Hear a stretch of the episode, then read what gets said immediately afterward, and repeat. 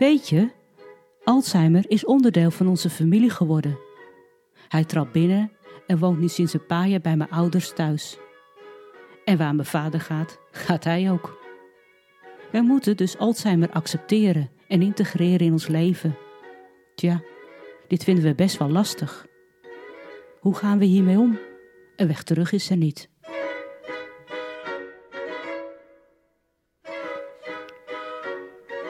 Dit is Alzheimer in de familie met Esther Zijlstra. Welkom en fijn dat je naar mijn podcast luistert. Hoi, fijn dat je er bent. In deze aflevering wil ik aan jou vertellen wie mijn vader is, is geweest. Ook dat helaas. Dit met goedkeuring van mijn moeder en vader. Beiden weten niet zo goed wat een podcast is, maar mijn moeder begrijpt heel goed dat ik een audio, een digitaal dagboek maak en dat mijn geluidsopnamen worden gedeeld. Omdat mijn vader in de auto vaak de radio aan had, altijd naar gesprekken en informatie luisterde, heb ik via die weg mijn podcast willen uitleggen. Heb ik het gehad over radio maken. Hij knikt dan ja, Alleen weet ik niet of hij dat zich dan later nog kan herinneren. Maar dat geeft niet. In ieder geval is hij dan tot heel erg blij. En uh, ja, is hij super trots op dat wat je doet. De podcast heb ik voorbereid door een mindmap te maken. En die mindmap heb ik voor jou als template gemaakt. Jij kan hiermee jouw verhaal, je herinneringen, ervaringen van jouw naaste met Alzheimer opschrijven of daarop tekenen. Uh, ga hiervoor naar de tekst bij deze aflevering en klik op de link. Binnen een paar stappen en enkele seconden ligt ja, het werkblad in jouw mailbox. Ja, over mijn vader. Zonder Alzheimer. Ik begin bij 1946 en eindig in 2022, dus nu.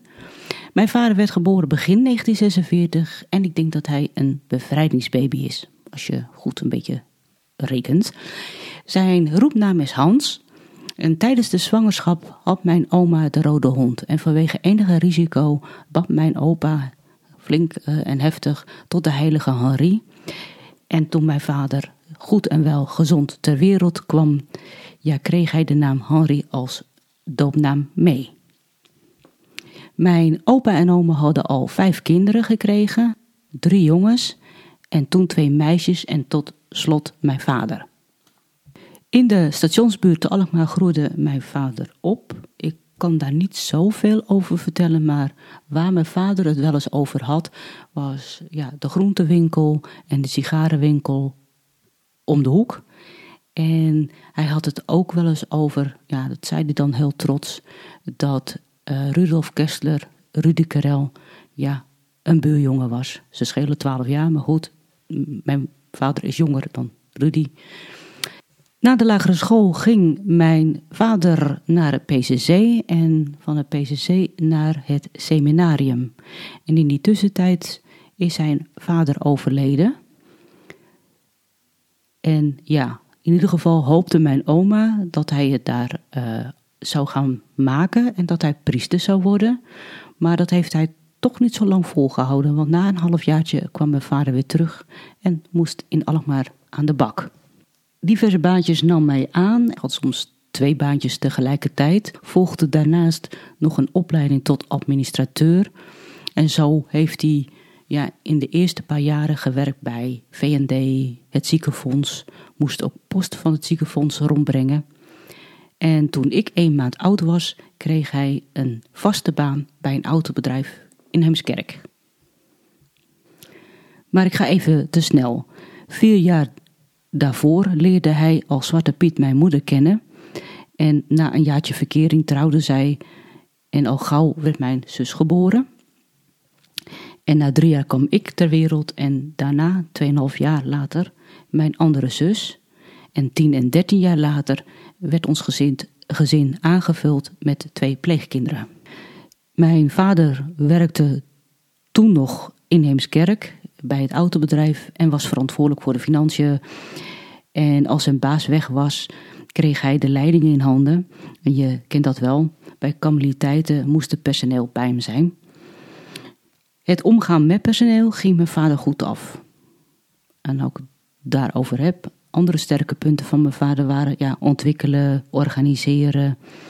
Ja, een, een, een bedrijvig mannetje was hij.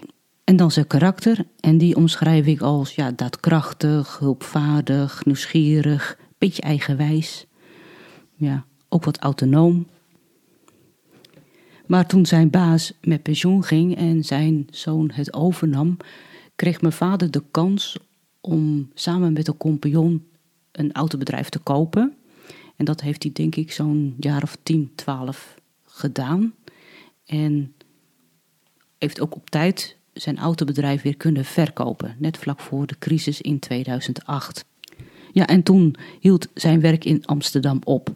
Thuis had hij nog zijn eigen administratiekantoor, deed hij, vulde, hij, vulde hij belastingformulieren van ja, mensen in. En heeft hij nog ruim een jaar bij me oom de personeelzaken op de rit gebracht. En fietsen, waar ik het twee afleveringen terug over had, werd zijn nieuwe hobby. En over hobby gesproken, na zijn werk deed mijn vader ook heel veel vrijwilligerswerk. Helemaal in het begin uh, was hij penningmeester van een sociëteit. Speelde hij ook regelmatig Sinterklaas bij de zwemvereniging. Hij was ook lid van de oude vereniging op een school. En ook nog eens een keer penningmeester bij een petankvereniging en penningmeester bij een katholieke kerk. En dan nog wat ditjes en datjes.